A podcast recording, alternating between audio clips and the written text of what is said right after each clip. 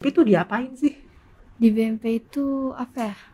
Kalau nggak salah sih sumsum tulang belakang. Mm-mm. Dicek gitu diambil cairan untuk ngecek kita mungkin sakit apa gitu. Oh.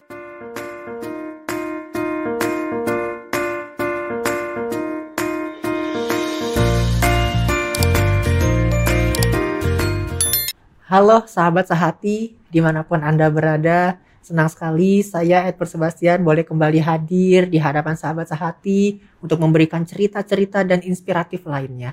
Dan kali ini saya sudah bersama dengan seorang narasumber yang tidak kalah inspiratifnya, dengan seorang narasumber yang kita percaya akan memberikan dampak baik buat kita semua.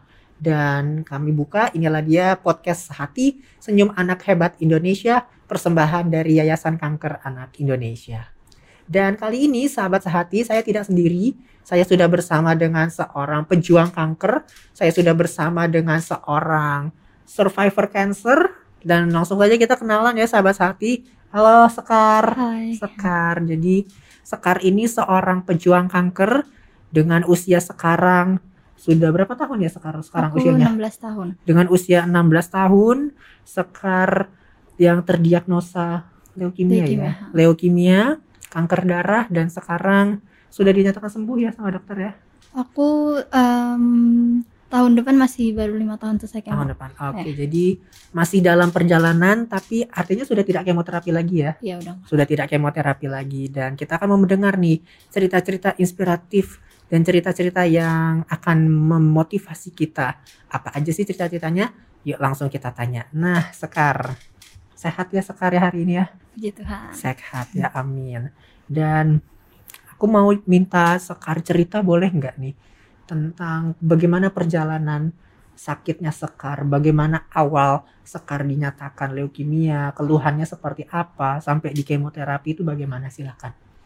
Jadi pas aku umur 9 tahun, itu tahun 2014, aku sering sakit-sakitan. Tapi pas dicek tuh selalu dokternya tuh bilang aku gejala tipes. Hmm. Habis itu aku ke Hermina, rumah sakit Hermina, aku cek, cek darah gitu-gitu. Ternyata hasil cek darahnya itu rendah semua, sampai HB ku tuh dua. Oh, Habis itu kata dokternya ini tuh kalau nggak anemia, leukemia. hmm. Jadi aku disuruh buru-buru ditransfusi darah. Jadi aku hari itu juga disuruh dokternya ke rumah sakit RSCM. Dari RSCM aku dirawat di ruangan isolasi gitu. Aku lalu aku BMP. Pas BMP ternyata hasilnya leukemia. No. Em, pas hasil leukemia aku kemo dan aku kemo itu pindah-pindah rumah sakit gitu kan. Hmm, ya. Jadi pertama itu aku di rumah sakit RSCM, lalu aku pindah ke rumah sakit Tamrin dan rumah sakit sekarang ini aku di RS Keramat 128. Hmm. Dan kemo itu kan protokolnya seharusnya kayak pengobatan 2 tahun gitu, tapi Iya. karena aku sering ngedrop jadi harus perbaikan, aku tuh kemonya tiga tahun gitu. Oh.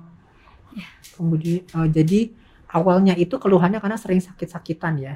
Iya sih, sering sakit-sakitan. Oh ya, udah gitu perutnya juga kayak bengkak gitu. Hmm, jadi eh, waktu awal sakitnya itu apa yang dirasakan? Em, aku sih kayaknya sih cuman demam gitu doang Cuma sih. demam, pusing, Hah. kemudian perut bengkak ya. Iya, Kemudian dibawa ke rumah sakit. Ya. Dibawa ke rumah sakit, dicek darah, ternyata semua hasilnya rendah. Bahkan HB-nya cuma dua ya, sahabat hati. Itu rendah banget ya. Iya. HB cuma dua, kemudian dokter sarankan untuk ke RSCM rumah sakit yang lebih lengkap. Kemudian di BMP ya. Yap. BMP itu diapain sih? di BMP itu apa ya? Kalau nggak salah sih sumsum tulang belakang Mm-mm. dicek gitu diambil cairan untuk ngecek kita mungkin sakit apa gitu. Oh, jadi eh, sekilas tentang BMP itu, jadi BMP itu sahabat hati eh, pengambilan cairan dari sumsum tulang belakang untuk mendiagnosa apakah ini eh, leukemia atau bukan gitu ya. Iya. Ternyata dari cairan sumsum tulang belakangnya Sekar setelah diperiksa ternyata positif leukemia. Yap. Nah, jadi setelah dari setelah dinyatakan leukemia langsung dikasih protokol pengobatan 2 tahun ya. Iya. Langsung 2 tahun. Nah, waktu di kemoterapi itu kan kemoterapinya pindah-pindah ya. Dari rumah sakit RSCM ke rumah sakit Tamrin Iya. gitu ya. kemudian ke rumah sakit Keramat. Nah, waktu kemoterapi itu apa yang dirasakan? Efek sampingnya? Kalau aku sih seringnya tuh aku muntah sama nyeri-nyeri sama pusing.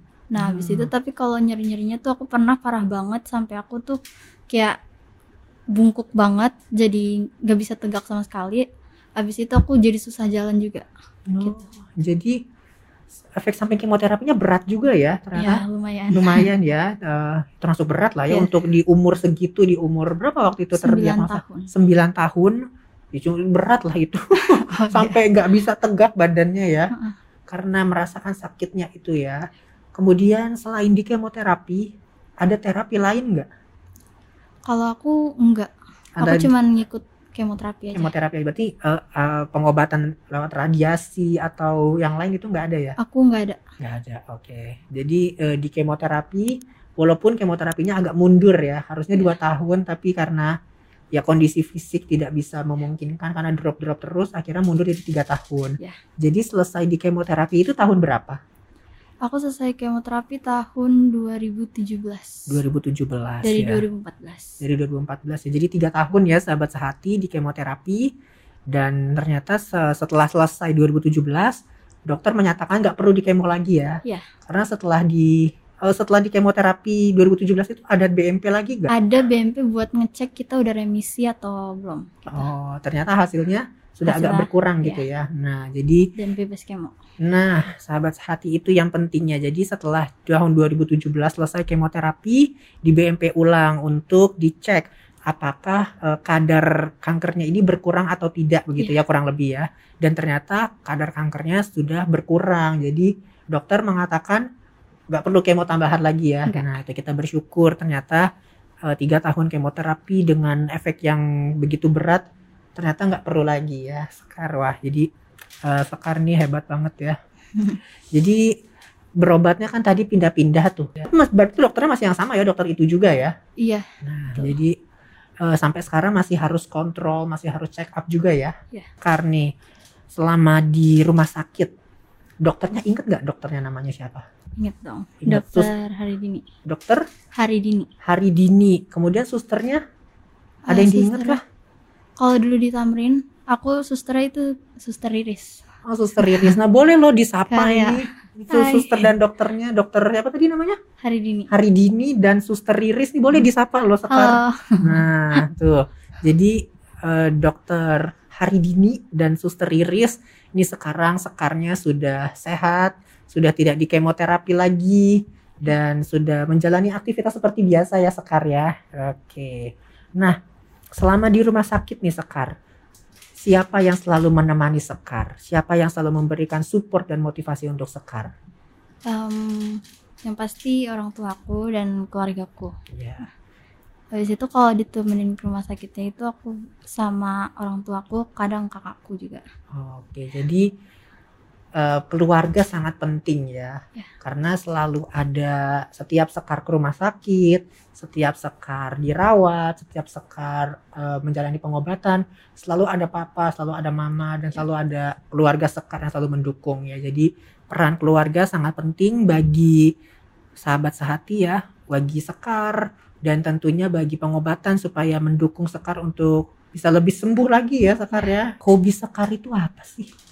Em, hobiku aku sering melukis sih sama dengerin lagu aja. Sering melukis, wah berarti ini tangannya tangan ajaib ya ini berarti sekar ya karena bisa melukis kemudian senang dengar musik ya? Ya. Dengar musik. Nah kalau dengar musik, musik apa yang sering didengar? Aku banyak sih aku.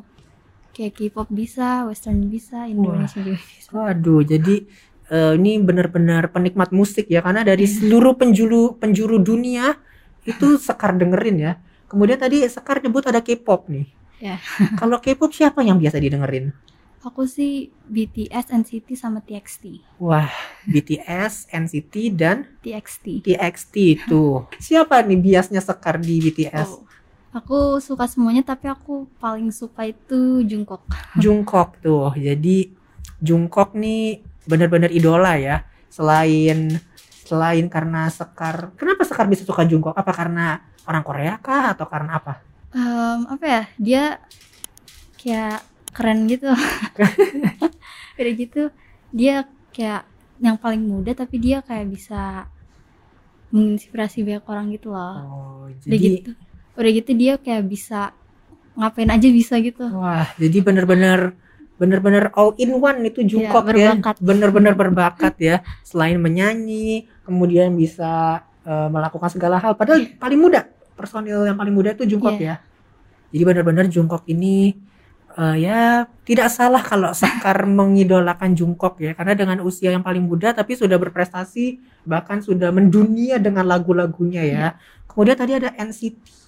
Ya. Kalau di NCT nih, siapa yang paling Sekar suka, yang paling Sekar idolakan? Em, aku di NCT itu membernya kan ada 23 orang ya kalau Iya. semuanya. Nah, kalau aku sih paling suka itu Mark sama Lukas. Nah, Mark sama Lukas. Oh, Lukas yang waktu itu sempat ini ya, iklan itu ya. Oh iya. Sempat ada iklan kopi, tapi kita nggak boleh sebut ya, sahabat hati kopinya. Cuma waktu itu sempet lah ya. Dan itu aku justru baru tahu loh.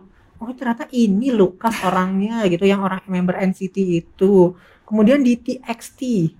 TXT itu apa boy band juga ya? Iya, Korea juga Korea juga. Berapa personilnya itu? ada lima. Lima. Siapa yang paling sekar idolakan di situ? Subin. Subin. Nah, ini jadi untuk Jungkook, untuk Mark dan Lukas, dan untuk Sukbin ya siapa? Subin. Subin. Se ini Sekar nih pengen banget nih. eh, pengen ketemu nggak? Ya pastilah. Saya lah pengen ketemu ya. Jadi pengen nonton gitu. Barangkali mau bayarin tiketnya Sekar ke Korea gitu, terbang ke Korea ya. Buat ketemu mau nggak? Boleh, boleh. Boleh ya tuh, boleh langsung dihubungi ya Sekarnya ya, sahabat Sati. Kalau ada yang mau, kalau ada yang mau mendonasikan tiketnya untuk Sekar ya. Sekar dan mamanya ya dua ya tiketnya ya sahabat Sati. Tiga sama saya ya sahabat Sati. nah, jadi Korea itu bener-bener yang musik yang paling disuka ya sama Sekar. Em, aku Western juga Western suka juga suka. Kalau di musik barat siapa penyanyi yang Sekar idolakan? Em, aku like aku suka dengar musik Ariana Grande sama Bruno Mars. Wah, Bruno Mars. Kemudian kalau Indonesia Aku seringnya tulus sih Tulus. Oh, ini tuh sama Hi-Fi. sama hi-fi. Kalau tulus, lagu apa yang pengen yang pengen yang se- sekar senang banget? Tulus, aduh banyak. Banyak ya, pokoknya semua Lagu- lagu lagunya ya, enak-enak. lagunya enak-enak ya. Dengan dengan pembawaannya yang khas ya, Hmm. nggak terlalu cepet tapi nggak terlalu lama juga Iya. ya. Jadi memang memang Sekar ini idola musik banget nih, karena semua genre musik diidolakan sama Sekar ya. Waduh, luar biasa nih Sekar nih. Sekarang aku mau tanya untuk masa depannya Sekar nih. Cita-cita Sekar itu pengen jadi apa? Em, gak tahu. Gak tahu. Aku belum punya cita-cita. Tahu. Cita-citanya mau jadi dokter kah? Atau jadi dosen? Atau jadi presiden? Atau Aku jadi menteri? belum kepikiran ke mana, tapi yang penting jadi orang sukses aja. Jadi orang sukses. Nah, barangkali mau jadi pengusaha? ya, ya. mungkin. Jadi pengusaha, jadi businesswoman ya. Jadi seorang pebisnis. Ya, kita doakan supaya cita-cita apa pun yang Sekar inginkan bisa terrealisasi ya. Amin. bisa tercapai. Mau jadi mungkin sekarang belum punya gambaran ya, tapi kalau di hari-hari esok punya gambaran, entah jadi seorang pebisnis atau jadi dosen atau barangkali mau jadi presiden sekalipun, kan kita kita kan eh, ini ya cita-cita itu kan eh, apa yang kita mau gitu ya. Ya. Kalau oh aku tahu, sekarang kan senangnya Korea ya. Hmm, Gimana kalau cita-cita sekarang jadi dancer aja? Aku gak bisa dance. Nggak bisa ngedance? Enggak. Waduh, jadi jadi Sekar nih atau jadi komposer lah Sekar ya Nah, kan? itu kan bisa. seneng seneng dance. musik Apa? Langsung nyeri kakinya. oh langsung jadi aduh ya ampun. Kok saingan sama aku sih begitu begitu gerak dikit tuh lutut langsung cekluk cekluk cekluk gitu. Langsung nyeri ya. Nah jadi jadi itu aja jadi komposer aja aja jadi nanti kayak si Adi MS kayak Hmm. Erwin Gutawa gitu ya kan? Main konser musik gitu. Karena kan Sekar seneng semua genre musik ya. Iya. jadi bisa tuh cita-cita bisa punya satu gambaran cita-cita oh jadi komposer gitu. Atau cita-cita lain. Tetapi saran dari aku se- Sekar tetap harus punya satu tujuan gitu. Supaya apa? Supaya supaya bisa diarahkan Sekar ini maunya ke mana supaya jangan buyar. Karena apa? Karena kalau nggak nggak tahu pengen jadi apa nanti fokusnya nggak fokus satu titik gitu. Kalau katanya si si Via Valen itu kan harus fokus satu titik gitu kan. Jadi harus fokus satu titik gitu. Mau jadi apa gitu. Mungkin kalau Sekar senang musik, hobinya ya itu jadi komposer tadi. Masuk sekolah bisa belajar musik, bisa menciptakan lagu barangkali ya kan. Kan kita aminkan saja ya kan, bisa terrealisasi. Mungkin 5 atau 10, mungkin 20 tahun lagi kita bisa melihat Sekar sudah ada di panggung dunia membawakan konser tunggalnya ya kan. Ya kan? Kita aminkan aja Amin. ya kan. Nah, kemudian nih Sekar kan sudah tidak kemoterapi lagi ya. Iya. Sudah tidak kemoterapi lagi. Nah, untuk teman-teman Sekar yang masih di kemoterapi, yang masih dirawat, yang masih terdiagnosa kanker, apa pesan Sekar untuk mereka?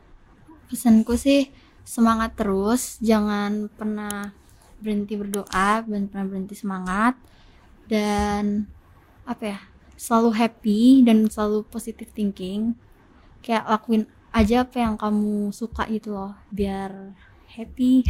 Nah, itu pesan dari Sekar buat teman-teman yang masih dalam ruang rawat yang masih terpasang infus dan yang masih terdiagnosa kanker. Pesan dari Sekar jangan patah semangat ya terus berdoa Ya. karena dengan doa itu kunci satu-satunya ya kalau kita sudah yakin dengan doa kita maka obat-obatan dokter dan perawatan medis itu membantu kita dalam pengobatannya dan jangan lupa tadi pesan dari Sekar apa buat teman-teman yang masih dirawat lakukan apa yang teman-teman suka. Kalau teman-teman suka melukis kayak Sekar, nggak apa-apa melukis. Iya. Kalau teman-teman suka nyanyi, nggak apa-apa ikut nyanyi. Ya kan, kalau teman-teman suka membaca, boleh dibawa bukunya ke ruang rawat, ya kan bisa dibaca. Kemudian kalau teman-teman ada yang suka eh, suka main bola, masa main masa di rumah sakit main bola ya? main game lah main game. Nah, kalau teman-teman senang main game online tuh bisa tuh gamer sejati tuh bisa dari ruang rawat bisa main game online-nya. Jadi lakukan apa yang teman-teman sukai, lakukan apa yang teman-teman ingini selama di ruang rawat. Supaya nggak bosen juga ya kan di Iya. ruang rawat kan. Masa ketemunya botol infus lagi botol infus Iya, lagi betul. ya kan? Jadi harus kita lakukan apa yang membawa kita happy ya Iya. apa yang bikin kita bisa lupa lah sama obat-obatan itu ya. Nah pesan penting itu buat Sekar. Eh buat teman-teman di rumah ya bukan buat Sekar. Kalau Sekar kan udah ti- tidak kemo lagi ya. Nah termasuk buat aku juga nih supaya supaya nggak bosen gitu ya. Pesan Sekar untuk YKAI sebagai salah satu yayasan yang mendukung anak-anak dengan kanker apa harapan Sekar ke depannya untuk YKAI semoga YKI sukses terus makin Amin. besar namanya amin habis itu program-program YKI sukses semua amin makin baik donatur dan Amin. makin banyak pasien-pasien kanker yang bisa dibantu juga. Amin. Nah, itu kita aminkan bersama-sama harapan dari Sekar untuk YKI supaya semakin banyak anak-anak dengan kanker yang ditolong, kemudian semakin banyak donatur yang datang untuk Ya, memberikan amin. donasinya ya. Kemudian bisa juga untuk memberikan support bagi bagi kita termasuk bagi orang tua juga dan bagi keberlanjutan YKI dan tentu harapan kita semua harapan dari Sekar juga bahwa YKI terus jaya ya sampai selamanya ya. Amin. Amin. Nah, kemudian nih terakhir nih Sekar, apa harapan Sekar untuk teman-teman atau pesan Sekar untuk teman-teman yang tidak terdiagnosa kanker? Supaya ayo peduli sama kanker, peduli dengan kanker anak. Itu bagaimana pesan Sekar untuk mereka? Em, ayo kita peduli dengan buat anak-anak cancer. Karena kalian juga gak perlu apa gak perlu dengan tunai kok ngebantunya. Kalian juga bisa bantu dengan support atau support program-program YKI juga bisa. Dengan memfollow sosial media YKI juga bisa. Dan kalian donasi juga nggak perlu tunai kalian juga bisa donasi. Susu masker vitamin ada banyak yang bisa kalian bantu kok.